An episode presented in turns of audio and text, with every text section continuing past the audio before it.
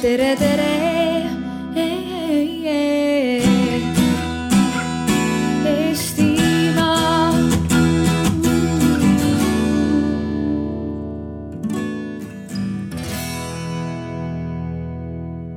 Tervist äh,, aitäh kõikidele tulemast äh, värske teaduse alale ähm,, kus me jätkame huvitavate teemadega ähm,. kui te ei ole varem värske teaduse alal täna osalenud, siis äh, see formaat on siin selline, et äh, selle teema äh, seemneks on olnud kas hiljuti kaitstud magistritöö või doktoritöö või, või väga ruttu kaitsmisele tulev doktoritöö. et see meie praegune teema, kas ETV Pluss suudab konkureerida Vene telekanali, telekanalitega, tuleb Andrei tööst, millest me kohe ka lühidalt räägime. aga ennem seda, kui me hakkame rääkima äh, Andrei tööst, tahaksin ma tutvustada teile hästi lühidalt meie siis eksperte ja paneliste täna et äh, äh, meil on Katariina Taklaja, kes on sündinud Peterburis, aga on elanud kahe tuhande teisest aastast alates Eestis ja Eh, ta on töötanud nii inglise keele õpetajana eh, kui ka Äripäevas venekeelsete väljaannete toimetajana ning ERR-i uudisteportaalis. Eh, siis on meil Janek Luts, kes oli Eesti Televisioon plussi arendusjuht novembrist kaks tuhat neliteist kuni kahe tuhande viieteistkümnenda aasta juunini, ehk siis oli otseselt seotud ETV Pluss kanali käivitamisega Urmas Oru, äh, kes oli aastatel kaks tuhat kuni kaks tuhat kuusteist Kanal kahe peadirektor ja kes on alates kahe tuhande seitsmeteistkümnendast aastast olnud ERR-i juhatuse liige. Äh, seejuures on ta olnud aastast kaks tuhat kaheksateist ka ETV Plussi peatoimetaja kohusetäitja. ja siis on meil Andrei Jakubovitš, kes siis kaitses Tallinna Ülikoolis Balti Filmi Meedia ja Kommunikatsiooni Instituudi jõudis magistritöö venekeelsete televaatajate jutusaadete loojangusse Dorso- äh,, Dorsovitseviga ja Õhtune urgent taju ehk siis kuidas tajutakse neid kahte jutusaadet, üks, millest on ETV Plussis äh, ja üks, millest äh, on äh, Vene saade. Andrei on samuti töötanud ajakirjanikuna nii ETV Plussis kui ka siis kodanikuajakirjanikuna Postimehes ja teda huvitabki kodanikuajakirjandus. ja minu nimi on Katrin Tiidenberg, ma olen sotsiaalmeedia ja visuaalkultuuri uurija ja BFM-i Tallinna Ülikooli Balti filmi, meedia ja kommunikatsiooni Kommunikatsiooni Instituudi äh, dotsent ja mina katsun siis sellel vestlusel ähm, natukene nagu silma peal hoida. me alustame sellest, et Andrei tutvustab lühidalt oma tööd. Ähm, siis me liigume edasi kommentaaridega äh, meie ekspertidelt ja aeg-ajalt ma siis äh, pöördun teie poole ja annan võimaluse mõneks lühidaks kommentaariks või küsimuseks, et need kõik ei jääks äh, sinna lõppu troppi, et kui te tunnete, et teil küsimus tuleb, siis katsuge ära formuleerida, et sobival hetkel hüpata vestlusesse aga ma annaksin Andreile äh, sõna edasi mm. -hmm. tere päevast kõigile, äh, kõik osalejad ja diskuteerijad. see, kuidas tajutakse saade, sõltub sellest, kui kaua see eetris, kui, millised prominendid seal mm, astuvad e selle eelarvest kui ka telekanali reklaamistrateegiast ja mainest ka Äh, need on kõik äh, välisfaktorid, mis mõjuvad televaatajat enne, kui ta istub enne, äh, et televiisori ette. aga äh, reklaamistrateegia ja eelarve ei, ei saa öelda, et sellega saade kindlasti õnnestub. saade õnnestub, kui selles on hea sisu ja siis on saade sisefaktor, millest tuleneb hea maine. Äh, minu eesmärk magistritöös oli kontsentreerida just sisefaktoridest, kutsuda respondente ja uurida saate täidist äh, ning küsida nendest, mis ja miks nend- äh, respondentidele meeldib äh, meie eestimaises saates Dozortsev, loengusse Dozortseviga ja saates, mis toodetud Venemaal nimega Õhtune urgand. tuleb öelda, et ähm, enamikele tulijatele äh,, keda oli kakskümmend kolm respondente loengusse Dozortseviga äh,. see oli uus avastus nende jaoks üle seitsekümmend protsenti üldse ei teadnud Dozortsevi eksisteerimisest. kuigi esimene Dozortsevi saade ilmus veel äh, jaanuari, jaanuaris kaks tuhat kaheksateist. aga minu uuring toimus äh, üks aasta pärast. aga see oli isegi hea, sest äh, nad hakkasid valgest lehest, ütleme nii, ilma välja kujunenud varasema saate kuvandiga Nendel avas võimalus tutvuda saate uuringu käigus. ma palusin respondente vaadata saadet kodus ja tulla minuga rääkida viiest saateelementidest. Need on formaat, saatejuht,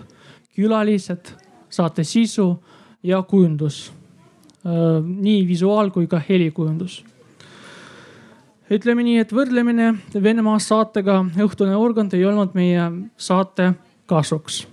ei olnud loenguse Dozortseviga kasuks. Äh, kui jälle öelda, et see on täiesti teine tase, et Ivan Urgandil, saatejuhil on suurem meeskond ja eelarve on ka suurem, siis äh, mille peale lootsid loojad, äh, kui saated tegid saated on tõesti väga sarnased. olemas identsed rubriigid nagu Roosa mikrofon meie saates koos selle blondi reporti, reporteriga Alina Zahharoviga, mis täiesti olemas ka Ivan Urgantsil ainult äh, teise nimega äh, Terav reportaaž. Äh, saadetes on sarnased kujund-, kujund-, kujunduslikud elemendid nagu vaibad see, et äh, saatejuhid panevad pildi saate algus, alguses. Äh, kui ka saates on olemas live muusikalised bändid. seega selle kahte saate võrdlus on täiesti põhjendatud nii minuga kui ka respondentidega, kes leidsid ka sarnasusi. nagu ma ennem ütlesin, saadete võrdlus ei olnud Dozortsevi kasuks üldistades äh, uurimust ma toon esile kolm soovitust, mis põhinevad respondentide intervjuudes ning toovad esile need äh, möödalaskmised, mis oli tehtud saadetes loengusse Dozortseviga. ma jagan need äh, kolm soovitust gruppi. esimene on sisu, teine on Äh, eneserepresentatsioon, eneseväljendus ja kolmas on äh, kujundus. nii, äh, esimene soovitus kõlab nii. kui ei tea täpselt, kuidas Eesti poliitikast ja poliitikutest nalja teha, siis pigem jätta see ära. jätta need katsumused ära ma ei tea, kuidas äh, eestlased teevad nalja Eesti poliitikast ja Eesti poliitikutest, aga uuringu järgi venelased soovivad,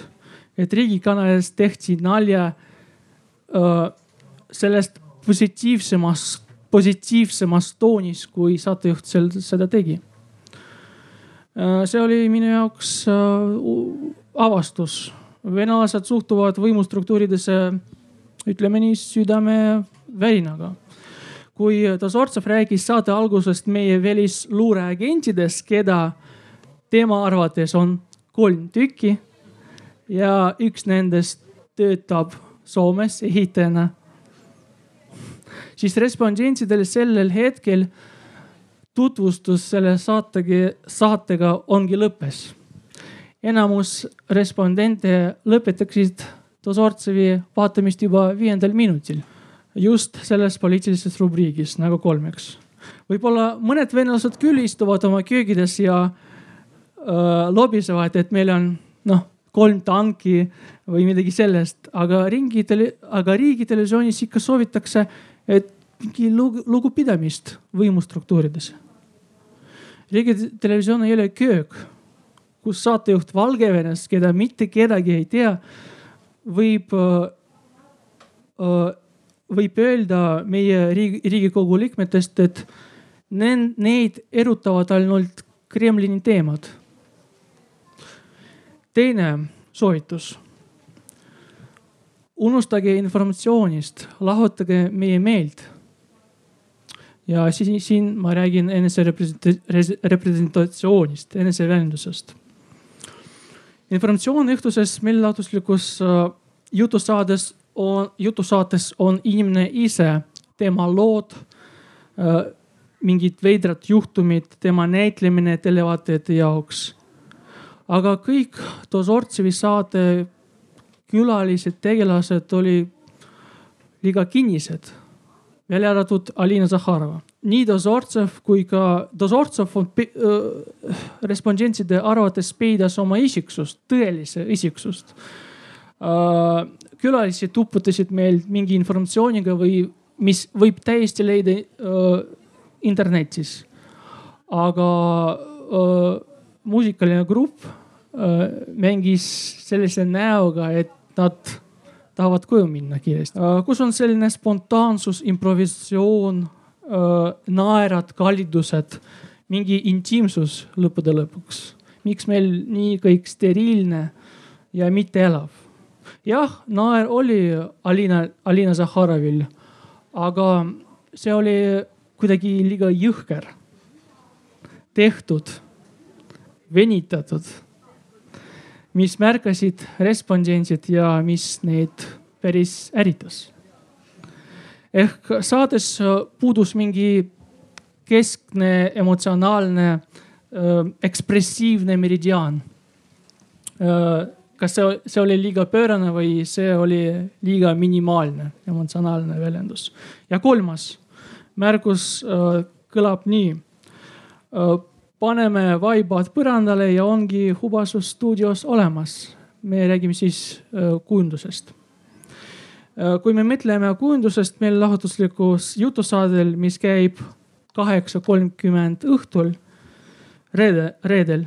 kui inimene lõpeb oma pika töönädala ja tuleb väsinud koju,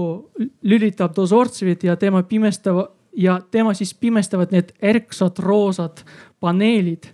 just nagu ta on kuskil bowlingus. kas, äh, kas see äh, too, loob lõgastustunnet? ma arvan, et äh, koos informatsiooni üle uju, uputusega mitte mõned äh, respondendid, osalejad arvasid, et saadet võib täiega ka hommikul näidata, sest ei ole selliste kujunduse,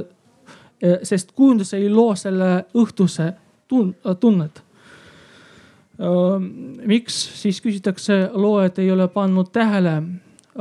milline on õhtusel urgandil interjöör, kus on summutatud tsoonidega valgus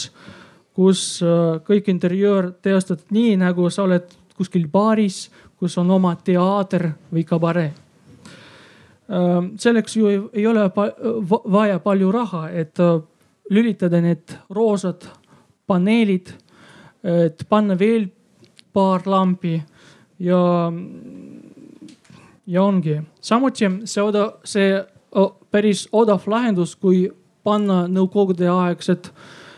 vaibad põrandale modernsele stuudiosse ka ei mängi välja. sest televaatajad näevad selle triiki, nad arusaadavad. nii raske teha seitse minutiga selle ülevaade tööle, mis ma kirjutasin seitse kuud, aga siin ma tõin mõned probleemid, mis ma avastasin oma, oma töös mul praegu ei ole aega rääkida kauemaks, aga ma ütleks, et kui me teeksime sellised uuringud, kui algab saate esimene hooaeg, äkki, äkki me saame midagi parandada, enne kui kõik läheb edasi. et sellega me saaksime teha telesaadet vaataja, vaataja jaoks sõbralikumaks. sest me ju teeme saadet meie inimeste jaoks, miks me ei küsi, kuidas tooteid tajutakse. ETV Plussil on vaja lojaalset televaatajat, aga see toimib, kui sisu on rikas ja konkurentsivõimeline. ent ETV Plussis kont, konteksti, kontekstis konkurentsivõimeline meie, me konkureerime ka meie idanaabritega, keda televaat-, venekeelsed televaatajad pidevalt võrreldavad. mille Äh, mille content'i meie televaated pidevalt võrreldavad. tänan Äh, aitäh, et ähm, ma nüüd äh, teeksingi siis nagu otsa lahti sellega, et äh, meie eksperdid, kellel on rikkalikult kogemusi Eesti telemaastikuga ja ETV Plussiga konkreetselt, saaksid seda kommenteerida. ja ma tahaksin, et me nendes kommentaarides püüaksime nagu natukene tulla nii-öelda kõrgemale abstraktsiooni tasemele, et ära nende võib-olla nende kahe konkreetse jutusaate juurest ja käsitleda neid ja seda uurimustööd siis võib-olla võib-olla sellise ETV Plussi ähm, sisu esindajana või ETV Plussi konkurentsipositsiooni esindajana. ja mu esimene küsimus teile ongi, et, et kas seda võib teha, et äh, kas see hinnang, mis Andrei töö äh, respondendid andsid äh, sellele jutusaatele, et kas seda võib laiendada üldiselt ETV Plussi äh, tasemele, konkurentsisituatsioonile, kas see on see, millise mulje ta üldiselt oma vaatajatele jätab ja kuhu ta jääb siis võrdluses võib-olla näiteks Vene telekanalitega. et alustamegi siit vist Ekaterinast ähm, ja ma tahaksin ähm,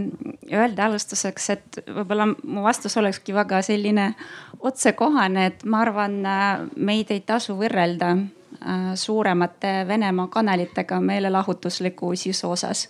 Ja me ei olnudki selleks loodud, et seda meelelahutuslikku programmi sellises suures mahus pakkuda.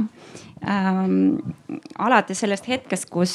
kui ETV Pluss oli loodud ja ma tean, et Janek pooldas ka seda suunda, et ETV Pluss peab pakkuma infotainment'it. Ehk meie oleme ikkagi kohalik kanal mis on suunatud kohalikule venekeelsele elanikule, kes on aktiivne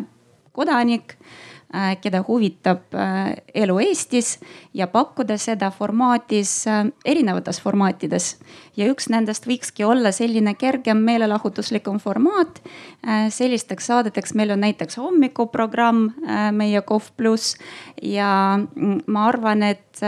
toona peatoimetaja Darja Saar kuna kanal oli värske, oli noor, et ta katsetas formaatidega. Ja see saade, millest juttu just praegu oli, on ka infotainment. Ehk seal tõepoolest räägiti sellises naljavõtmes äh, asjades äh,, mis toimuvad Eestis. Äh,. kas see õnnestus või mitte, see on noh, see on maitse asi, siis kui mina astusin ETV Plussi toimet-, peatoimetaja kohale, seda saadet eetris enam ei olnud. Ähm, aga ma võin öelda ka, et mina olen veendunud, et äh, naljaformaat, naljasaadete formaat ja satiir on ikkagi väga ohtlik äh, meediažanr ja kui seda teha, siis on vaja teha seda ikkagi väga hästi, hea ressursiga, sest vastasel juhul see äh, kukub mitte kõige paremini välja. ja kui minu käest praegu küsitakse, kas me ostame mingisugust naljasarja meie eetrisse, aga eelarve on selline mitte väga suur, et äh, minu seisukoht on, ma ütlen siis selle peale, et pigem ärme osta, kui osta midagi odavat. Jah, et, et eks ma arvan, et peaksimegi tõusma kõrgemale, et noh, muidu selles mõttes võib teha ka uurimustööd, miks äh, õhtune Urgant ei ole sama hea kui Conan O'Brien Ameerikas või, või, või Jay Leno, eks ju, oma pika karjääriga, et noh, tegemist on ju klassikalise äh, pea, pea viiskümmend, kuuskümmend, seitsekümmend aastat vana formaadiga, mis, mis on üle maailma ja, ja kahtlemata Ameerikas on need veel uhkemad ja, ja veel võimsamad ja, ja valgus ei ole roosa, vaid on sootuks teab mis värvi, et et ma arvan, et kui me jääme nagu sellesse formaadi võrdlemisse, et kuidas seda nii-öelda ühel maal on tehtud, millisel maal on suuremad võimalused, et siis me nagu ei jõua kuskile, et jah, võib-olla see arutelu teema võiks olla jah see, et kas kas ETV Plussi ülesanne siin, nagu Katja just rääkis, on, on pigem hoida sellist informatiivset, äh, juhatavat, äh, selgitavat joont või, või, või püüda, püüda minna siis nii-öelda väga sinna meelelahutuslikku äärmusse ja, ja hakata võistlema noh, nii-öelda siis tasemel äh, Superstaari saade ETV Plussi ekraanil ja, ja, ja Moskva kanali ekraanil ja, ja võib-olla veel kuskil maailmas, et, et seda ma ei teeks, et ma pigem, pigem püüaks jah, nagu sellise jääda selles äh, arutelus võib-olla sellise ETV peamiste ülesannete juurde, äkki sealt nagu tuleb, tuleb rohkem mõtteid, kui, kui lihtsalt nagu kahe saateformaadi võrdlemisest võrrelda võrreldamatuid ei ole mõtet ja kui ETV Plussi käivitati, et loomulikult ega kõik see, mis oli planeeritud või, või mis ka kumises minu peas, et ega see kõik ei ole realiseerunud. see, kui kanalis otsustatakse teha mingit klassikalist formaati, mil esimene nii-öelda linnukene läks lendu tuhande üheksasaja viiekümne kolmandal aastal, mida tehakse üle maailma et see on iseenesest juba ette kaotatud lahing nagunii, nii et seda ma ei hakka enam üle kordama, mida Katja ja Urmas juba ütlesid. aga, aga tõepoolest ETV Pluss toona, kui ta käivitati, siis vähemalt käivitusmeeskonnal ja Eesti Rahvusringhäälingul ei olnud mingit plaani, et ta peab kindlasti konkureerima ütleme siis nelja Venemaalt tuleva põhikanaliga või siis, kui lugeda kokku, neid on üldse täna Eestis kättesaadavalt lineaarselt sada seitse, alates seal ütleme PBK-st või lõpetades siis Ahota ja Rebalka. et, et see kanal siiski pidi olema väga selgelt äh, kohaliku inforuumi väljatöötamiseks vene keeles. ja seda enam, et see, et äh, midagi on Venemaal katki, äh, oli selge ju kahe tuhande viiendal aastal, kui Kreml sisuliselt kaotas ära igasuguse sõltumatu televisiooni Venemaal. Venemaal on jäänud ju täna ainult üksikud äh, raadiojaamad ja paberväljaanded, ajalehed, internetiportaalid, kes otseselt ei ole Gazprom meedia mõjusfääris. et see oli see küsimus, millele oli vaja vastata. kahju, et sellega nii kaua venitati, sellepärast et äh, selleks, et üks kanal üldse ennast sisse töötaks, see ei ole täna lõppenud. nelja aastaga ei koolita välja, ei harjuta vaatajat kindlate saatejuhtidega, kellega nad ära harjuksid, sest ühe saatejuhi sissetöötamine võtab miinimum viis aastat, et ta muutuks aktsepteeritavaks. Eestis täna venekeelseid saatejuhti, keda ka iga vene keelt äh, kõnelev inimene või vene kultuuriruumist kohapeal tajuv inimene teaks. noh, täna me võime neid tõenäoliselt nimetada kolm, aga seda on veel, äh, veel liiga vähe ja, ja, ja mulle lihtsalt ei meeldi, kui püütakse jälle, et noh, et võrrelda seda, et noh, et ETV Pluss versus PBK, NTV, äh, Rossija, Russia Today, äh, et noh, et need ei ole lihtsalt noh, see, me, me ise sellega kaevame seda auku, kus me lihtsalt teadlikult ütleme, et noh, me nagunii ei saa. et noh, see noh, see ei ole mõistlik. siit tekib nagu selline ütleme siis tänapäeva meediamaastiku jaoks suhteliselt äh, tuttav äh, mure minu meelest. et äh, kui meil on ühelt poolt meil on nagu mingisugused sellised strateegilised soovid ja ringhäälingu puhul on see eriti oluline, sellepärast et ringhäälingul on äh, teatavad nagu ütleme siis funktsioonid või kohustused äh,. ja teiselt poolt on see, kuidas siis see vaataja või inimene või ka võib-olla siis näiteks äh, potentsiaalne töötaja või ajakirjanik seda tõlgendab. et me võime küll öelda inimestele, et ärge võrrelge, aga kui nad nagunii võrdlevad, siis mida siis sellises olukorras teha. et mulle tundub, et siin Andrei nagu vastaja esindajad olid need, kes nagu valmilt võrdlesid neid saateid ja ütlesid ka, et me tahame meelelahutust, et siis meil on siin nagu natuke selline mure, et tegijad ütlevad, et me ei paku meelelahutust ja inimesed ütlevad, et me tahame meelelahutust. et ma näen, et sealt tuleb vist kohe vastus ka või? jah, aga see vastus ei ole see, mida sa ootad. et äh, küsimus on, äh, küsimus ei ole minu jaoks mitte selles, et kas ETV Pluss suudab meelelahutusega võistelda suurte Kremli kanalitega Äh, ja, ja siit ma tuleks üldse ära sellest, et noh, et ärge mõelge meediast täna kui ühest lineaarsest kanalist. et ETV Plussi tänased edusammud, äh, mille pärast mina olen äh, suhteliselt rahul selle tulemusega, on hoopis see, et kuidas ta suhestub meediaruumiga kõikide nende vormidega, mis saavad lõpuks kokku internetis et see ei oma tähtsust, kas see lineaarsus on äh, sada protsenti kaetud või ei ole, et see muutub iga päevaga väiksemaks ja me ei kujuta täna ka ette, mida tähendab lineaarsele televisioonile aasta, ma ei tea, kaks tuhat kolmkümmend, kui äh, nii-öelda see kurikuulus asjade internet ehk 5G on oma täisvõimsuse saavutanud. Et kas siis inimesed üldse vaatavad televiisorit ainult lineaarselt, sest uus põlvkond seda enam ei tee. siis kui ETV Plussiga käivitati, ega eesmärk ei olnud äh, hõlmata kohe seda viiskümmend pluss elanikkonda, eesmärk oli alustada altpoolt et kasvatada põlvkond koos saatejuhtidega, kes kasutab ka meediat tõenäoliselt juba teistmoodi. et seda ei saa vaadata niimoodi ainult, et vaatame ühte kanalit, et ERR-il on ju veel olemas venekeelne uudisteportaal ja on olemas ka venekeelne raadio. see, et nad täna Eesti Rahvusringhäälingus siiamaani tegelikult toimetavad eraldi, et see on rist ja viletsus. et ja, ja no kolmas asi kanali teadvustamine, et ta on olemas, siis see on kasulik kasvõi ainult selle jaoks, et kui on kriis ja on vaja saada informatsiooni siis vähemalt ka venekeelne elanikkond teab, et kohalikku informatsiooni saab kõige kiiremini ETV Plussist. ja tõenäoliselt saab teda sealt ka palju äh, ausamalt. et see on äh, palju olulisem praegu, aga, aga seda ei juhtu mitte kunagi, et ta hakkab lööma drastiliselt üksinda, ilma selle nii-öelda algse mõtteta, et, et, et ega ainult Eesti ei mõelnud, mida teha venekeelsete inimestega, kes vaatavad Kremli kanaleid ja kellele teinekord lausvaletatakse et neid venekeelseid kogukondi on Soomes kindlasti mitte selline protsent nagu on Eestis, neid on Lätis, kus on neid isegi natuke rohkem, aga lätlased loobusid võitlusest, nad ei teinud oma kanalit lõpuni valmis. kuigi kaks tuhat neliteist, kaks tuhat viisteist neil oli samasugune plaan. ja täna on ETV Pluss tänu sellele jäänud suhteliselt üksi ja, ja, ja noh, Eestis äh, saame mõelda ainult sellele, et meil oleks loodud kanal, koht internetis, televisioonis, voogudes, kuhu saab pöörduda juhul, kui keegi hakkab jaurama, et, et hakake jälle tatart ostma, sellepärast et kohe kaob tatar müügilt ära. noh, see on selline pehme näide, aga kahjuks see leidis ju aset. ja seda sai teha tänu sellele, et kvaliteetset, usaldusväärset kohalikku informatsiooni oli operatiivselt raske üles leida kuidas sellega on, et kui palju te teate, te kindlasti oma eh, töös, eh, ma usun, et Katariina kindlasti vaatab mingisuguseid vaatajate uuringuid või auditooriumi uuringuid ja kuigi sul oli väike valim, siis sa suhtlesid nendega nagu sügavuti. et kas sealt oli mingeid ilminguid, et, et ETV Pluss või siis ütleme Eesti Ringhäälingu venekeelsed meediumid toimivad mingisuguse ristmeediasüsteemina, et inimesed tarbivad neid või lähevad selle sisuga koos, nii kui see sulandub, äh, ütleme siis äh, telest veebi või midagi sellist? ei äh,, ei olnud sellist, et äh, Te mõtlete, et, et TV-d vaadatakse kuskil internetis või mitte tele...? jah, või siis ütleme, et seesama inimene äh, tarbib nii ETV Plussi kui ka seda venekeelset uudisteportaali. ja mul oli küsimustik ja äh, Äh, seal inimesed kirjutasid, nad tarbivad mm, nii äh, pigem meie äh, venekeelseid ajalehed, veebiajalehed, mitte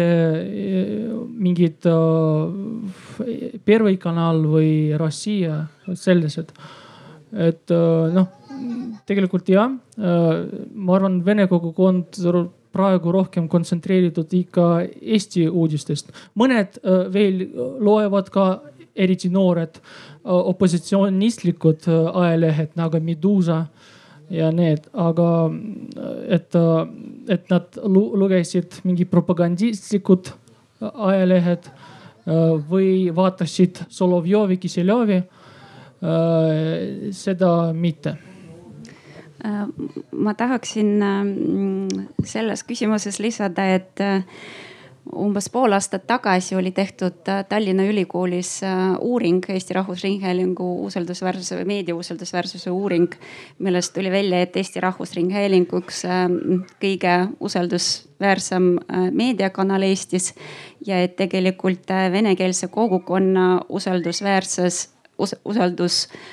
ERR-i vastu on äh, väga kõrgel tasemel. Äh, ja see on ilmselt äh, ETV Plussi tõttu, et see on väga oluliselt kasvanud aastatel kaks tuhat viisteist kuni siis praeguse hetkeni ja mis puudutab, millised kanalid venekeelne kogukond tarbib, et sellest samast uuringust tuligi välja, et tegelikult nad tarbivad rohkem traditsioonilised kanalid ehk raadio või usaldavad raadiot, televisiooni ja paberväljaanded. Äh, ETV Plussil äh, muidugi on olemas ähm, meil on olemas sotsiaalmeedia toimetajad ja meie sisu tervikuna me ei pane internetti, aga, mm, aga kõik on teadlikud meie programmist, selle, selle parimast paladest ja ma arvan, et me toimime sotsiaalmeedias väga edukalt ja võib-olla paar ähm, ka remarki sellele, mis Janek äh, on just öelnud, et kui võrrelda ETV Plussi teiste venekeelsete kanalitega, ähm, meil on kõige noorem auditoorium ehk kaksteist protsenti meie vaatajatest on vanuses kuni kolmkümmend neli. Ja kui me vaatame näiteks PBK-d või RTR-i, et seal on see protsent kuskil kaks või neli protsenti ehk see eesmärk, mis oli püstitatud siis, kui kanal oli käivitatud, on, võib öelda, läheb täide mis on arvestades seda üldist meediasüsteemi ju päris äh, erakordne saavutus, arvestades, et noored tegelikult äh, nagu nii-öelda televiisorist äh, telekat eriti palju vaadata ei taha. Ma tahangi öelda, et tegelikult äh, nende uuringutega on see lugu, et, et tihtipeale on sealt võimalik, eks ju, välja lugeda erinevaid numbreid ja inimesed, kes ei, kes ei tea täpselt, mida neile räägitakse või mida üks või teine number näitab Äh, satuvad nendest võib-olla mingitesse valejäreldustesse. et teles saab mõõta nagu kahte asja, eks ju, üks on inimeste hulk, kes seda telekanalit vaatab ja kui me seda inimeste hulka vaatame, siis ETV Pluss on absoluutselt kõige suurem venekeelne telekanal, et äh, kuu jooksul vähemalt viisteist minutit, selline noh, ütleme lihtne, lihtne mingi mõõtühik, äh, vaatab ETV Plussi kõige rohkem äh, inimesi nendest kõikidest telekanalitest. teine asi, mis on teles oluline, on see aeg ehk et kui kauaks siis üks inimene keskmiselt sinna telekanalile jääb ja siin just tekib siis loomulikult see, et, et nii-öelda pikk, suurema mahuga programmid, äh, mitmekülgsemad ja suuremate võimalustega. loomulikult see inimene veedab seal rohkem aega ja jah, selles ajavõrdluses nii-öelda, eks ju, mida, mida siis tavaliselt kasutatakse selleks äh, kurvaks looks, et äh, ETV Pluss ei ole midagi saavutanud või, või, või tal ei lähe nii hästi, eks ju. et selles ajavõrdluses tõesti ETV Pluss täna jääb veel nendele suurtele kanalitele alla aga see kasvab tasapisi, nagu Janek ütles, et, et esimesel päeval ei õnnestu kõiki inimesi hommikul kella kaheksast kuni, kuni õhtul kaheteistkümneni telekanalit vaatama panna, et, et see kasv tegelikult ju toimub. et, et siin Katja tõi õige, õige asjaga välja ka nendest uuringutest, et kui me vaatame seda vanuselist koosseisu ja vaatame ka näiteks nende paiknemist üle Eesti, et, et siis ka samamoodi, et nendel nii-öelda suurtel Vene kanalitel see vaataja kontsentreerub väga kitsastesse piirkondadesse, Tallinnasse ja Ida-Virumaale. et kui me vaatame ETV Plussi, siis katvus on hoopis ühtlasem, et, et teda, teda vaadatakse palju laiemalt, esindatud on, on nagu öeldud, nii nooremad kui vanemad ka sugude vahel on see balanss palju võrdsem. et, et kui jällegi traditsioonilistel suurtel kanalitel kaldub see paratamatult nii-öelda naiste poole, eks ju, selliste seriaalide ja, ja muu tõttu, eks ju, siis ETV Plussil on see balanss palju parem äh, sooliselt, vanuseliselt, äh, hariduslikult, nii edasi, et. et, et seal on väga palju, väga palju positiivset on võimalik nendest uuringutest välja tuua, aga et, et kuna see, kuna see lihtne võrdlus käib nii-öelda suured numbrid, mida räägitakse, on ajapõhised, siis jah, seal on veel natuke minna, aga ka seal ei ole olukord enam, enam üldse selline, kui ta oli isegi veel aasta tagasi mm. -hmm ma võtaks eh, hetke, et vaadata, kas keegi eh, meie publikust tahab sõna kiireks kommentaariks või küsimuseks. ei, kõik on rahul kuulama, siis, siis räägime omasoodu edasi. et kui me nüüd mõtleme natukene tagasi selle siis selle loomis, saamisloo peale. et äh, siin on nagu juba mainitud, et, äh, et see on hästi lühike aeg, et, et me ootame nii-öelda mingisuguseid tulemusi siis, kui tegelikult ütleme siis selle teleproduktsiooni aja teljel on veel liiga vara. Ähm, aga ja siis on, te olete siin nagu maininud ka mõtteid, et me ei, me ei teinudki seda, noh, et me ei tahtnudki teha seda meelelahutuslikku ja nii edasi. et äh, kui me ütleks äh, publikule, et äh, mis need plaanid olid algselt, et mis oli see nagu ütleme, strateegiline, taktikaline plaan või mis oli seal nagu loogika seal taga. mida taht-, mida me tahtsime saavutada? saavutus oli, eesmärk oli väga lihtne, et kuidas tekitada see kanal, kuhu saab pöörduda, kui noh, inimene, kui tal on vaja saada informatsiooni kiiresti ja raadio on olemas, lehed on olemas, portaalid on olemas, telet ei ole, teeme siis ühe telekanaliga juurde, teeme ta siis venekeelse. loomulikult äh, toona, äh, nagu ma enne mainisin, et noh, et, et see, mis see äh, sõltumatute telekanalite riigistamine Venemaal, et see oli ammu teada. Ja, ja, ja see, et, et noh, et, et selle eesmärk ei ole mitte teha paremat ajakirjandust ja paremat meelelahutust, selle eesmärk on väga selge, et noh, miks Venemaal kanalid riigistati ja selge on see, et ega kui korraks hüppan ühe näitega mujale, et ega, ega inimene, kelle emakeel noh, ütles, et minu emakeel on äh, eesti keel. kui ma olen pikemas lähetuses, mida ma teen äh, hotellis, kui tehnilised võimalused on olemas, ma hakkan kasutama eestikeelset meediat, ma ei jää BBC-d vaatama või midagi sellist. sama on ju ka venekeelse emakeelega inimesed, et, äh, et isegi kui ta valdab näiteks väga hästi eesti keelt, väga hästi inglise keelt, siis mingil hetkel ta tahab saada emakeelset meediat emakeeles tarbida ja selge on see, et noh, et kui tema emakeel on vene keel, siis ta tahab saada ka midagi venekeelset. ja,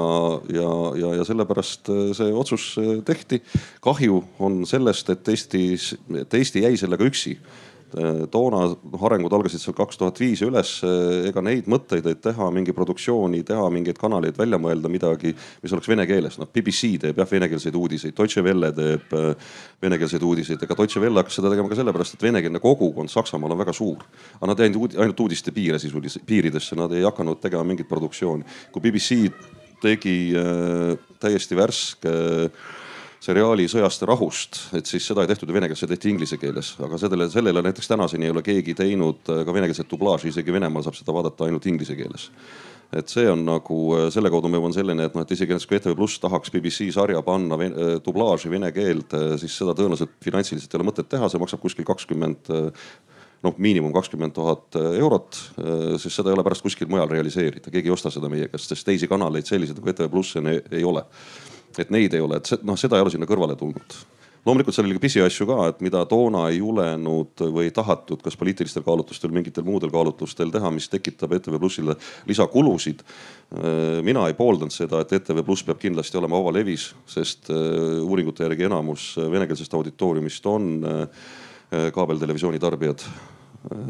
ligi üheksakümmend kolm protsenti, ma ei mäleta, mis see protsent oli. Äh, aga see on lisakulu sada kakskümmend tuhat eurot kuus. Äh, sada kakskümmend tuhat eurot on sisuliselt üks äh, mõistlik saatesari, kasvõi see Kehv, mida terve magistritöö läbi materdas.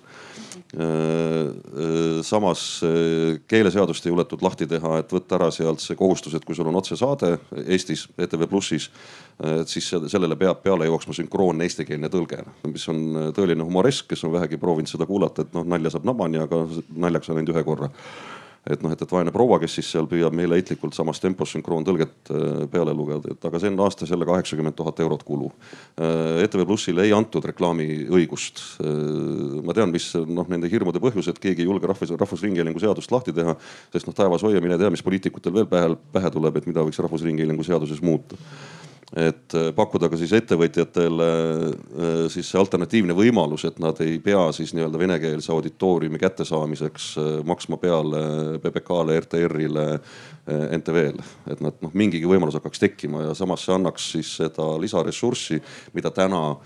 ei ole ETV Plussil ja ei ole ka noh pikemas või lähemas perspektiivis näha, et see kohe plahvatakse, et täna ju ETV Plussi eelarve on kaks korda väiksem kui ETV ühe eelarve, aga nõudmisi esitatakse samasuguseid et äh, ja ikkagi korraks tahaks tulla selle, millest me alustasime, nende saadete võrdlemise juurde, et eks see kanali poolt oli viga valida välja formaat, mis on üks-ühele võrreldav seesama, mida Urmas ütles, et põhimõtteliselt võiks ka võtta siis nii-öelda selle Moskva formaadi äh, saate ja võrrelda siis Ed, Ed Sullivani show'ga või mõne teise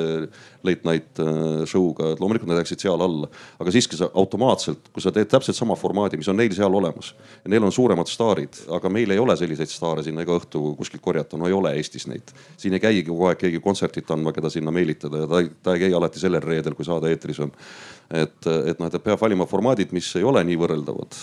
samas läbi nende saadete on võimalik näidata neid inimesi, kes Eestis venekeelses kogukonnas millegagi tegelevad, olgu nad džässmuusikud, kunstnikud, ettevõtjad et noh, nende, nende formaatide kaudu on võimalik näidata neid inimesi, aga, aga sa ei tohi valida neid formaate, mis on kohe automaatselt võrreldavad. et noh, ma kujutan ette, et, et noh, et, et kui ETV Pluss püüaks teha oma vahenditega sarja Seitseteist kevadist hetke, no see, see pehmelt, pehmelt öeldes, ma ei tea, mis see oleks pärast noh jah, et, et eh, Eesti eelmine president Toomas Hendrik Ilves arvestas alati öelda, et, et rääkige noh kristalselt puhtalt oma taust ära, eks ju, et ma siis selles mõttes teen ka siin selle möönduse, et, et, et kolm-neli aastat tagasi, kui ETV Plussi loodi, et see oli vist ka umbes aeg, kui ma olin viimast korda siin Arvamusfestivalil kuskil laval, aga siis küll erameedia esindajana ja ütlesin vist siin ka suhteliselt kõva häälega välja, et see võib-olla ei ole parim mõte, mis Eesti maa peal on sündinud, eks ju, et et, et noh, olgu see siis siin öeldud, aga et, et ma ei oska ju jah, ütleme, Janek rääkis selle taustaloo ära, ma arvan, et, et kuidagi ikkagi mulle, mulle meeldib kohati öelda, et, et kui, kuigi ma ise väga nagu saatusse ei usu, aga, aga ma arvan, et ikkagi saatus on olnud ETV Plussi vastu äh, mingil moel armuline, et tegelikult see jällegi, jällegi kui kasutada mingisuguseid nii-öelda arengu, arenguvõrdluse näitajaid, eks ju, mingid äh, kasvud, äh, tõusutrendid, nii edasi, mida, mida noh, näiteks mingis äh, startup'i maailmas hirmsasti kasutatakse, siis ETV Pluss on üks edukamaid idufirmasid, eks ju, mille, mille kolmeaastane kõik, kõik saavutused ette lugeda, eks ju, ma arvan, et paneksime praegu kuskile äh, fundraising usse sisse ja, ja jookseksid inimesed kohale, tahaksid omandada osalust seal, et. tahaksid oma raha seal põletada? jah, ei no mitte põletada, aga selles mõttes, et näitajad on, näitajad on ju tegelikult äh, olemas ja, ja noh, see on täpselt õige, et ega siis äh, kohe ei saa targaks keegi, et, et paljusid asju tulebki katsetada, et, äh, et samamoodi ma näen seal ühte vana kolleegi ja, ja telekuuru, et, et, et sedasama nii-öelda õhtust late night äh, show'd on üritanud ka kõik Eesti suured telekanalid äh, mingil viisil ju teha ja, ja ükski neist ei ole tänaseni eetris, et äh, mõni, mõni kestis äh, hooaja ja mõni kaks ja, ja võib-olla mõnele anti, anti natuke pikemalt aega, aga, aga läbi on nad kõik saanud ja, ja noh, ei ole, sest ka selles sest ka selles Eesti kogukonnas, mis on umbes kolm korda nii suur kui venekeelne kogukond siin, eks ju, lihtsalt igaks nädalaks äh, jätku teemasid, ei jätku staare, mis oleksid põnevad, jätku, jätku kõike, jätku raha, et teha saatele nii suur meeskond, et, et suudetaks kogu aeg olla värsked, loomingulised, tuua uusi teemasid, harjutada et naer ei kõlaks võltsilt, vaid sa iga päev naeratad ja siis ükskord, kui sa reedel lähed naeratama, siis see enam ei, ei ole võlts. et, et see kõik on ju noh. jumal hoidku igapäevase naeratamise eest. Eesti kanalid, aga no kui sa teed eh, midagi tipptasemel, siis sa pead trenni tegema iga päev, ega see noh, see, see ongi see, sealt tulebki see vahe, et nii, nii kui sa lased nagu kehvema treenituse mehega peale, siis see paistabki läbi, eks ju. jalgpallis on lihtne, sul lüüakse värav, aga noh, teleekraanil noh, seda võib-olla nii kohe ei saa aru, aga. ma lihtsalt ühe aspekti tooks juurde, et miks ETV Pluss oli hea, et ta tehti hästi, äh, on ka see, et ta, ta tekitab terviklikkuse selles venekeelses Eesti meediasüsteemis meil on, nagu enne ütlesin, noh raadiojaamad on olemas, teatud ajalehed, ajalehti vist paberil ainult Komsomolska vist on jäänud veel. jah, aga vahetus peatoimetaja. jah äh, portaalid on olemas, äh, telet ei ole, aga kui kasvõi võtta ajakirjanike nii-öelda võimalikud väljakutsed, motivatsioonid, kuhu liikuda, mida teha, siis tele annab selleks ka mingi võimaluse et eks, eks see nagu äh, on ka oluline osa, rääkimata sellest, et kui avalik-õiguslik suudab pakkuda täiendavat informatsiooni, äh, siis äh, seda on mugav kasutada ka kõikidel teistel venekeelsetel väljaannetel ilma vale häbita et noh, te ei pea tundma nagu no, seda tunnet, et äh, kui see äkki oli talle või Veedomõistis, et äkki siis äh, venekeelne Postimees ei avalda seda enne, kui ta peab ise selle uudise tegema. rahvusringhäälingu uudistega võid sa ümber, ümber käia nagu ise tahad, pluss äh, see, et sa võid olla ükskõik kui hea kirjutaja ajalehes, kui sinu nägu ei teata, sinu häält ei teata, siis sa jääd tundmatuks. televisioon saab su mängida palju kuulsamaks ja läbi selle tekivad ka inimesed, kes ütleb noh, küsides niimoodi, et aga kui ma tahan venekeelse kogukonnaga rääkida Eestis, kas, kellele ma pean siis helistama? kas ainult Yana Toomile või äh,? mulle tundub, et äh, hetk on sobiv järgnevaks äh, selliseks äh, puid alla viskavaks provokatsiooniks. või siis võime seda nimetada selliseks nagu, kuidas seda nimetatakse, spekulatiivne futurism. mis saaks siis, kui ETV Pluss oleks inglisekeelne?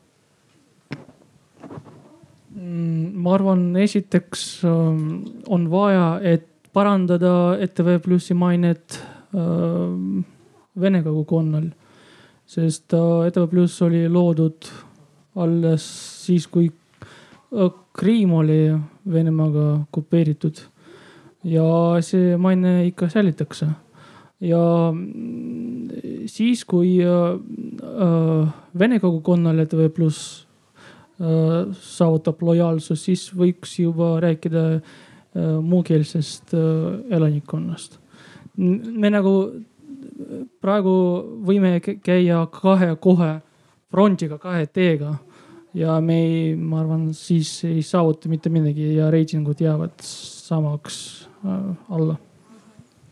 ometigi on ju tõsi, et väga suur hulk, eriti noorem põlvkond, kes elab Eestis, venekeelseid inimesi tunnevad ennast inglise keeles väga mugavalt Äh, ma ikkagi. võin sulle rahastuskatte öelda, et väga paljud ka Eesti noored tunnevad ennast inglise keeles väga mugavalt. ja siis on meil veel igasuguseid välistudengeid ja nii edasi inimesi, kes võiks ka ju saada kohalik, aga ma annan ikka otsa tagasi no ma siis ei, ei saaks päris aru, kellele see kanal suunatud oleks, et kui äh, selle küsimuse taga on mõte selline, et äh, meil venekeelset kogukondi on erinevad, erinevad, erinevatest rahvustest esindajad ja kõik noored oskavad seal inglise keelt, et selle peale ma vastaksin, et tegelikult see venekeelne kogukond, nad on tõesti väga erinevad rahvused, on seal juudid ja valgevenelased ja venelased ja ukrainlased, kelle kodukeeleks on ikkagi enamasti vene keel. ja see on Peterburi venelased, Moskva venelased, Novosibirski venelased. jah, ja meediat tarbida mugavam ja parem äh, on ikkagi oma emakeeles või sellises kodukeeles ütleme nii. Äh, ja kui me räägime inglise keelest ja noortest, sest ikkagi nagu ma ütlesin, kaksteist protsenti noortest, kes meid vaatavad, kes need inimesed, kes noh, enamus nendest valdab äh, inglise keelt piisavalt tasemel, on ikkagi kaksteist protsenti, ülejäänud on ikkagi vanemad. ja ei ole saladus, et lineaarset televisiooni vaatavad ikkagi vanema põlvkonna inimesed, kes seda inglise keelt ei valda. ehk mina ei pooldaks sellist ettepanekut mida see inglisekeelne kanal annaks, et eh, kui ma jah eh, loen üle, et mitu venekeelset kanalit on ja ütleme, et eh, jah, ma saan sada seitse kuskil umbes täpselt, siis kui ma hakkaksin lugema ingliskeelseid telekanaleid kokku, siis huvitav, palju ma saaks. ja mida see üks kanal sinna juurde annab. et noh, et, et siis ja need võrdlused, mis siis muidugi veel tuleksid, et noh, et, et, et noh, et, et aga kas te ei vaadanud siis, kuidas Hercule Poirot tehti ja te siin püüate mingit sellist asja teha? Eh, ega ma muidugi mingi täie tõsidusega seda ettepanekut lauale ei pannud, eh, aga ütleme siis ähm, selleni ei ole ka lihtsalt puhast sellist väga karmi loogikat järgides väga raske mõista, et kui me panemegi lauale kõrvuti need argumendid, et äh, lineaarset televisiooni vaatavad vanad. siis me küsime, et kas need noored, kes praegu, kui nad vanaks saavad, hakkavad seda vaatama, üldiselt maailmas uuringud näitavad, et ei hakka, et sa võtad oma meediatarbimisharjumused pigem kaasa. et mis me siis teeme, kui need vanad ära surevad, et kas noh, et ja kui me mõtleme seda, et need okei okay,, praegustest on kaksteist, aga kõikidest nii-öelda Eestis elavatest muukeelsetest inimestest. Kui me eeldame, et kõik räägivad inglise keelt, nii need, kelle kodus räägitakse vene keelt, kui ka need, kes tulid Tehnikaülikooli äh, osakeste füüsikat õppima äh, Indiast või ma ei tea kust et siis põhimõtteliselt niimoodi puhta ratsionaalsusega ähm, võiks ju väita, et why not tohin ma sind EKRE-le üles anda, et sa kutsud üles eesti keele kaotamisele. Ma, ma ikkagi jälle mulle meeldib äh, natukene väidelda sellist äh, äh, noh mingisuguste müütidega, mis, mis tekivad nendest uuringutest, et igaüks saab sealt natukene midagi välja võtta ja, ja, ja rääkida talle sobivat juttu, eks ju, et noh, seesama jutt, et et mingisugune müstiline seltskond noori ei vaata, siis ma ütlen, et, et mina kolmkümmend aastat tagasi, kui ma ülikoolis olin vanuses kaheksateist kuni, kuni eks ju kakskümmend viis. ma olin täpselt samal seisukohal, mis, mis telekas, mul ei olnud, mul, ma käisin ükskord äh, suve jooksul, kui oli jalgpalli mm, käisin Tartu Ülikooli ujula valvuri juures vaatamas neid mänge. aga ma, mulle puutus igasugune kokkupuude televisiooniga, selles mõttes, mis mind ei huvitanudki, mis. sa ei lugenud lehti ka ju, et siis kui kalale läksid, pani saapa sisse. lehti ma mingil, mingil seletamatul põhjusel vist hommikuti kohvikus ikkagi lugesin ja noh, mingisuguse esmainfo ma ju kuskilt kätte sain. aga noh, televisioon kui selline, ütleme, et see noh see ei läinud mulle korda, aga, aga hiljem noh, iga aastaga ma kuidagi ju kuskil tekkis kodu ja, ja kuskil tekkis äh, mingisugune perekond ja, ja, ja kuskil ikkagi vaikselt sa liigud ju sinna nii-öelda traditsioonilisse voogu tagasi, et et ma arvan, et, et seda lootust, et, et noh, ka kolmkümmend aastat tagasi, et me oleksime hirmsasti pidanud kangutama kuidagi üliõpilasi, eriti kui ta on saabunud Taist eh, enda, enda meediarüppe, et noh, sellel, sellel nagu suurt mõtet ei ole, et tal ei ole selle infoga midagi teha, tal on sada muud tähtsamat tegemist, et et kuidas. usud, et oleks? see Netflixi ja Youtube'i noor eh, siis, kui ta lapse saab, otsustab, et see telekas nurgast, kus tuleb asjad ainult siis, kui nad tahavad sealt tulla, on õige tee ei kahtlemata, et, see harjumus on ju muutunud ja, ja noh, loomulikult see, et mina, ma ei tea, kahekümne viie aastaselt ikkagi kuidagi jälle selle teleka üles leidsin enda jaoks, tähendas seda, et mul oli, mul oli see kunagi lapsepõlves kodus olnud. et see saab olema kindlasti huvitav, huvitav kogemus, et need, need väiksed lapsed, kes, kes, kes pole nii-öelda suure telekaga üles kasvanud, et kuidas nemad siis täpselt kahekümne viie või kolmekümne aastasena käituma hakkavad. et see, see saab olema huvitav näha aga, aga noh, sinna, sinnamaani läheb veel natuke aega, enne kui, kui päris selline põlvkond peale jõuab. et ja, ja noh, samas äh, need, need äh, uuringud näitavad ka ikkagi seda, et, et selline mingisugune ühis äh, ühisvaatamine, nii-öelda ühe, ühise lõkke äärde kogunemine, mis inimkonnal üldse ühine, et, et see, see ikkagi ei kao kuskile, et, et pigem, pigem tullakse ikkagi mingite suurte sündmuste, oluliste infode puhul tullakse ikkagi kokku ja vaadatakse ühiselt suurt asja, mitte ei, ei, ei vaadata enda käekella pealt seda pisikest pilti, eks et jah, et ma tuletan meelde, et sumerid tegid ka ju niimoodi, et võtsid savitahvlid ja tegid sinna kiilkirja. et nüüd on meil jälle tahvlid käes. Äh, küll seal kiilkirja ei ole, et sinna uut teksti panna, siis selleks ei pea uut tahvlit tegema. aga põhimõte on ju sama, et midagi ei ole muutunud, et ega see, et tuleb Netflix, 5G, äh, ükskõik mis asjad veel, et kuidas sa saad mingit asja jälgida. tootma peab seda asja nagunii. keegi peab seda tootma ja vaadatakse seda, mis pakub huvi, on oluline või on hetkel vajalik olgu ta siis hea meelelahutus, äh, mida on maailmas kõige raskem teha, äh, aga, aga põhiline meedia ülesanne, eriti avalik-õigusliku puhul on informatsioon. mitte see, et kui hästi sa suudad meelelahutust äh, pakkuda, isegi kui me räägime nendest, mis meid paljusid liidab teinekord jalgpalliülekannetest, jäähoki olümpiamängud, siis loomulikult tahaks ju saada omakeelse kommentaariga me, ükskõik millest ma seda vaatan, telefonist, tahvelarvutist, arvutist, väga suurelt teleekraanilt, vahet ei ole. vastavalt sellele, kuidas sul parajasti võimalus on. aga sa tahad ka väga head pilti saada, sa tahad ka väga head režiitööd saada, väga head operaatori tööd. ja Youtube'iga, Youtube'iga võrdlused tavaliselt unustatakse üks asi ära, et see, mis Youtube'is saab populaarseks, on üks miljonist aga see on tasuta kanal ja üldjuhul sealt see, see, see hetk, mis ta sünnib ja hetk, mis ta ära sureb, on nii kiire, et see ei ole sisu, mis jääb. Netflix on tegelikult muutunud vahendajaks ja tootjaks ja ta toodab ka professionaalset pilti et see, see, et noh, et sa Netflixis saad täna vaadata, see on nagu raamatukogu, sa lähed raamatukokku, valid endale raamatu, loed selle ära, paned sinna tagasi. nüüd on nad jõudnud järeldusele, et, et nõudlus on nii suur, et nad peavad ise tootma ka hakkama, aga seal on jällegi see professionaalsuse küsimus. ETV Pluss ka, et noh, et, et me võime öelda, et tulevikus võib-olla see lineaarsusvajadus sellises mahus küll kaob ära, aga professionaalse toote vastu ei kao vajadus ära, ei kao vajadus ära professionaalse venekeelse Aktuaalse kaamera järele, noh ei kao ära et noh, tal on usaldusväärsus, tal on tunnustatud kaubamärk. kas sa vaatad seda siis, kui ta on äh, selles nii-öelda otse-eetris või vaatad seda järelvaatamises äh, või, või vaatad seda bussis äh, telefonist. noh, see on, see on marginaalne küsimus, et selle üle ei pea nii metsikult arutama. aga kui seda platvormi ei ole, kus on olemas väljaõppinud, kogenud režissöörid, valgustajad, operaatorid, kes suudavad teha režiid, teavad, mida tähendab suur plaan, väike plaan üleminekuplaan, katteplaan, äh, et noh, et, et see on ohtlik pigem, et, et unistada, et noh, et, et, et see ei muutu. see on seesama see sumerite kiilkiri, mis löödi savitahvlile. mitte midagi ei ole muutunud selle kolme tuhande aastaga, meil on tahvel jälle käes ja peale küll kiilkiri on äh, kas siis kirillitsa või alfabeet, aga põhimõtteliselt on kõik sama. ei ole.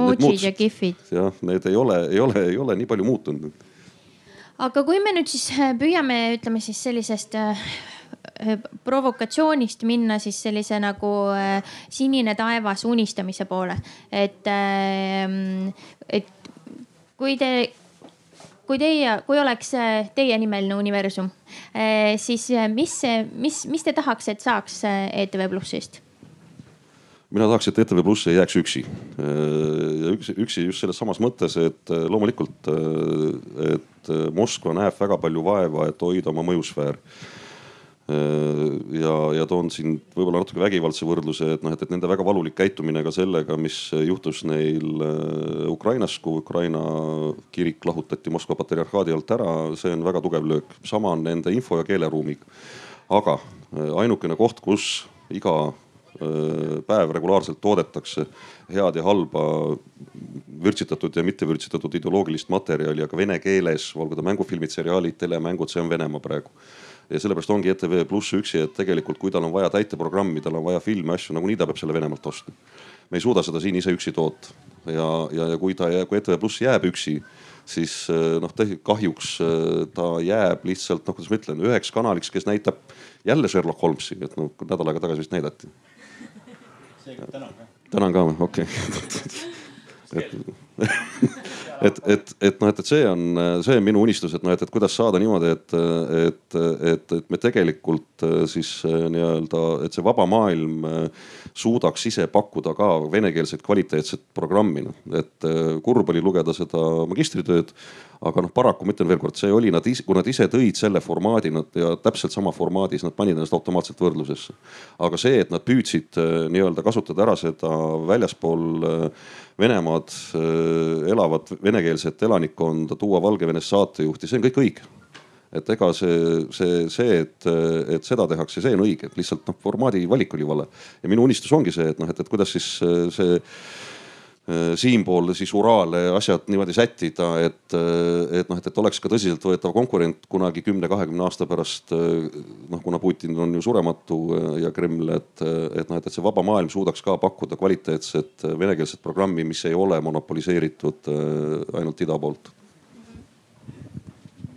no minu unistus oleks muidugi see, et meie auditoorium kasvaks, et inimesed jääks meid pikemaks ajaks vaatama kuigi need inimesed, nagu Urmas ütles, on äh, väga palju, kes tunnevad, kes tunnevad meid, teavad meid ja saatejuhid, kes on, kes teevad meil eetrit, äh, ütlevad nii, et iga päev keegi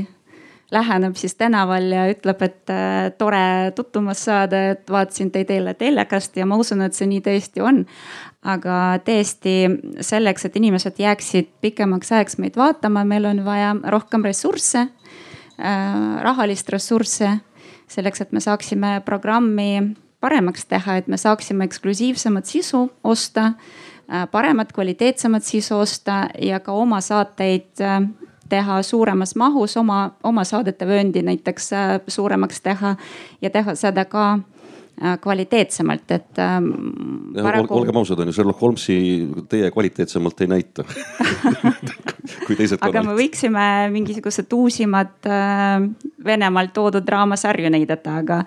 aga kahjuks ei ole meil piisavalt vahendid, et neid õigusid endale saada. ja sellepärast inimesed vaatavadki neid PBK-s või RTR-is äh, ja atraktiivne saade ei ole ainult äh, saatejuhi kunst, kui tuntud ta on ja kui hea ta on, vaid ka see, mis äh, mis vaataja võib-olla kohe ei saa aru, milles asi on, et midagi võib-olla pole päris nii äge nagu, nagu Venemaa televisioonis, aga tegelikult see sõltubki sellest, et mitme kaameraga on see saate üles võetud või see otseülekande tehtud. et mitu toimetajat on sul seal taga on, et äh, kui, kui kallis, äh, kallistest, ma ei tea, materjalidest või kallistest disaineritest on see stuudio äh, disain tellitud. see kõik sõltub ka rahast ja Janek ütles, et et ETV Plussi eelarve on umbes samaks jäänud juba sellest ajast, kui, kui see kanal oli loodud ja ma mäletan, et siis äh, ERR-i juhatus äh, palus aasta programmiks vist neli miljonit eurot, anti kaks ja pool. praegu see eelarve on kaks koma seitse ehk äh, väga palju edasi on raske minna sama rahaga noh, Katja rääkis oma unistused ära, et tema on peatoimetaja, selles mõttes te, te, te, tema, tema suunab seda kanalit, et ma, pigem, pigem tegelikult tahaksin äh, siin, et kas me hakkame lõpetama või et, et peaasi, et meil ei jääks peaasi, et meil ei jääks nüüd tunne, et me hirmsasti liiga tegime sellele uurimustööle, et tegelikult äh, noh, igasugune selline uurimine on ju tegelikult äh, väga abiks ja, ja, ja isegi noh, kui siin öelda, et, et võrdlesime võrdlematut, siis, siis ikkagi on sealt, sealt paistavad ju mingid need äh, needsamad põnevad äh, nii-öelda vast, vastuvõtukohad äh, välja, et, et noh, see, seesama noh, väga hea selline võib-olla peen nüanss, aga et, et äh, et nii-öelda venekeelne auditoorium ei, ei taha, et riigiisade kallal tehtaks nagu sellist jõhkrat nalja, vaid peab olema ikkagi aupaklik, noh, väga oluline nüanss jällegi, eks ju, et äh, et selliseid, selliseid asju oli seal ju väga palju, mida, mida tegelikult on, on väga, väga tore arvesse võtta ja, ja kuidagi seda nagu silmaringi enda jaoks avardada, et, et noh, tõsi on, tõsi on see, et, et et minu, minu üks kindel soov on see, et, et kes iganes äh, ka poliitikutest või, või tulevastest erijuhtidest või, või peatoimetajatest ETV Plussis, et ta ei, ta ei näeks neid asju ka ainult jälle väga nagu mustvalgelt, et kas on nagu sellised uudised, info ja siis on nagu selline lausmeelelahutus, et tegelikult seal vahel on nagu väga palju, väga palju sellist äh, värvide gammat ja, ja niikaua, kui me jääme ainult nagu väga selgelt ütlema, et kõige tähtsam on nii-öelda selline äh, uudis siis tegelikult me selle elanikkonnaga nagu väga head kontakti ei saavuta ja tegelikult neid äh, mingisuguseid meile olulisi hoiakuid või väärtushinnanguid neile ka edasi ei anna, et tegelikult neid äh, hinnanguid kujundatakse noh, ikkagi, ikkagi nii, milles on osav ka kogu, kogu nii-öelda Venemaa meediatööstuskompleks, et neid et muudes saadetes sobivas kastmes inimesele vastuvõetaval moel antakse talle edasi selliseid äh, hinnanguid, mis ta mõtleb, et täitsa, täitsa tore, et, et ma ise toon lihtsa näite, et, et, et kui me siin eelmisel aastal vist, vist käivitasime ühe, ühe teise saate, mida õnneks pole võrdlusse pandud. et selle nimi on Serkalo ehk peegel, mis on selline noh, siis ütleme kommunaalteemadega ja, ja võib-olla natuke nii-öelda tarbijakaitsega äh, flirt, noh, ühesõnaga seotud, seotud äh, saade et siis eh, suhtlesime väga pingsalt ka näiteks Tarbijakaitseametiga ja, ja nad ütlevad, et, et noh, nende probleem on see, et, et tegelikult nii-öelda selline tavaline venekeelne eh, Eestimaal elav inimene, et ta ei tea selliseid elementaarseid eh, tarbija õigusi et need, mis juba nagu eestlastele on kuidagi noh, pikka aega sisse söödetud, et sul on õigus, eks ju, neliteist päeva oma uusi kingi kanda ja siis poodi tagasi viia, kui nad katki lähevad. et see, see nagu sinna kogukonda lihtsalt noh, see oli üks näide, eks ju, aga et noh, neid on palju asjalikumaid kindlasti, et et äh, lihtsalt ei jõua, aga seda ei, seda ei saa kunagi ka teha nii-öelda uudiste tasemel, et täna võeti vastu tarbijakaitseseadus, milles on sellised, sellised punktid, et see, seda ei vii inimesteni. inimesteni viib selle teadmise ikkagi läbi lugude, läbi näidete, läbi mingisuguste muude asjade, et sa seletad neile ja neile kinnistub see võib-olla mingi aja jooksul, et jah, oh näed, täitsa tore on siin elada, et siin on, mul on õigus teha seda, seda, seda. mul on mingisugune, ma ei tea, korteriühistu probleem, siis ma ei ole sellega üksi, vaid äh, ma saan, eks ju, pöörduda sinna riigil on olemas mingisugune fond, mis aitab ja nii edasi, et noh, sellised äh, lihtsad võib-olla praktilised näited, aga, aga ma ütlen veelkord, et neid ei saa, neid ei saa edastada uudiste vormis AK-s, vaid, vaid see peab olema sellises kastmes ja sellepärast äh, Janeki juurde tagasi, et, et see mõte algselt ju noh, ilmselgelt oligi õige, et noh, see infotainment nii-öelda natuke, natuke ühte, natuke teist nende haprate võimaluste piires, millele jälle teiselt poolt Katja vihjas, et tuleb leida selline sobiv, sobiv miks nendest Andrei, sinu unistus ETV Plussile? ja ma sooviks, et ETV Pluss oleks natuke lähedam televaatajatele, aga et ETV Pluss mitte edastaks ainult riigi sõnumi, informatsiooni, uudiseid, aga ETV Pluss kuulaks ka, mis soovivad televaatajad näha. sest jah, me teeme televisiooni nende jaoks et äh, samas äh, sellega me saaksime raharessursse parem kasutada, kui inimene lülitab välja saadet viiendal minutil, siis milleks me tegime ülejäänud nelikümmend minutit, raiskasime ressursse. Äh, jah, ja selleks on vaja auditoorset uuringut, kuidas te arvate sellest? Äh, sellist, äh, kui sa räägid äh, praegu kvantitatiivset ja kvalitatiivsetest, kvalitatiivsetest uuringutest, siis jah, see on ka minu unistus sellist asja teha. ja oli üks selline minu esimestest ettepanekutest, et teeme sellise asja ära ja siis, siis paluti meile eelarve, selle uuringu eelarve kokku lüüa, tuli välja, et see maksab üle kümme tuhande eurot sellist uuringut teha ja siis oli noh, piltlikult öeldes valik, et kas me kanname näiteks, kas me kanname kolm päeva otsa äh, suvel äh, laulupidu või me teeme sellise uuringu. ja seekord siis äh, valituks äh, osutus äh, laulupeo ülekanded, aga äh, noh, see on naljaga pooleks, et selles mõttes, et kindlasti tuleks teha ja selleks vahendeid leida, võib-olla kuskilt väljaspoolt ERR-i et äh, paremini oma vaatajaid tunda, aga samas meil on äh, pidev kontakt äh, oma vaatajatega, et meile kirjutatakse sotsiaalmeedias, helistatakse meilis. inimesed tulevad stuudiosse, et selles mõttes enam noh, me teame, mis, mis inimestele võib-olla meeldib või ei meeldi. Dozortsevil ma rääkisin personaalselt temaga. Ta ütles, et temalt küsiti, mis sai tema programmiga ainult see, kui see lõppes, miks ei, ei, ei, ei käi, mitte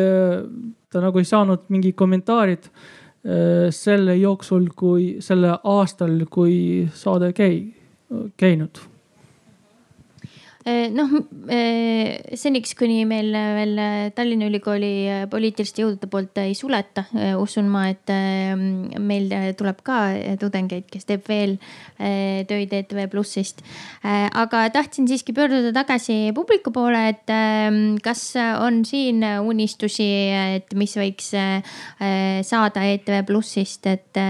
kunagi ei tea, kus peitub see kuldne tera, mille tegijad saavad taskusse viia viia tagasi kontorisse. no aga siis tagasihoidlikul momendil tundub, et lihtsalt nii head unistused on juba ära esitletud, et inimesed tunnevad, et need resoneerusid nende plaanidega, et äh, selle koha pealt ma tahaksingi väga tänada äh, teid kõiki, et te leidsite aega tulla äh,. tänada Andreid äh, selle teema väljapakkumise eest äh, ja äh, kui kellelgi on väga pakiline viimane sõnum, siis äh, selleks meil on umbes minutikene aega, aga kui ei, siis äh, aitäh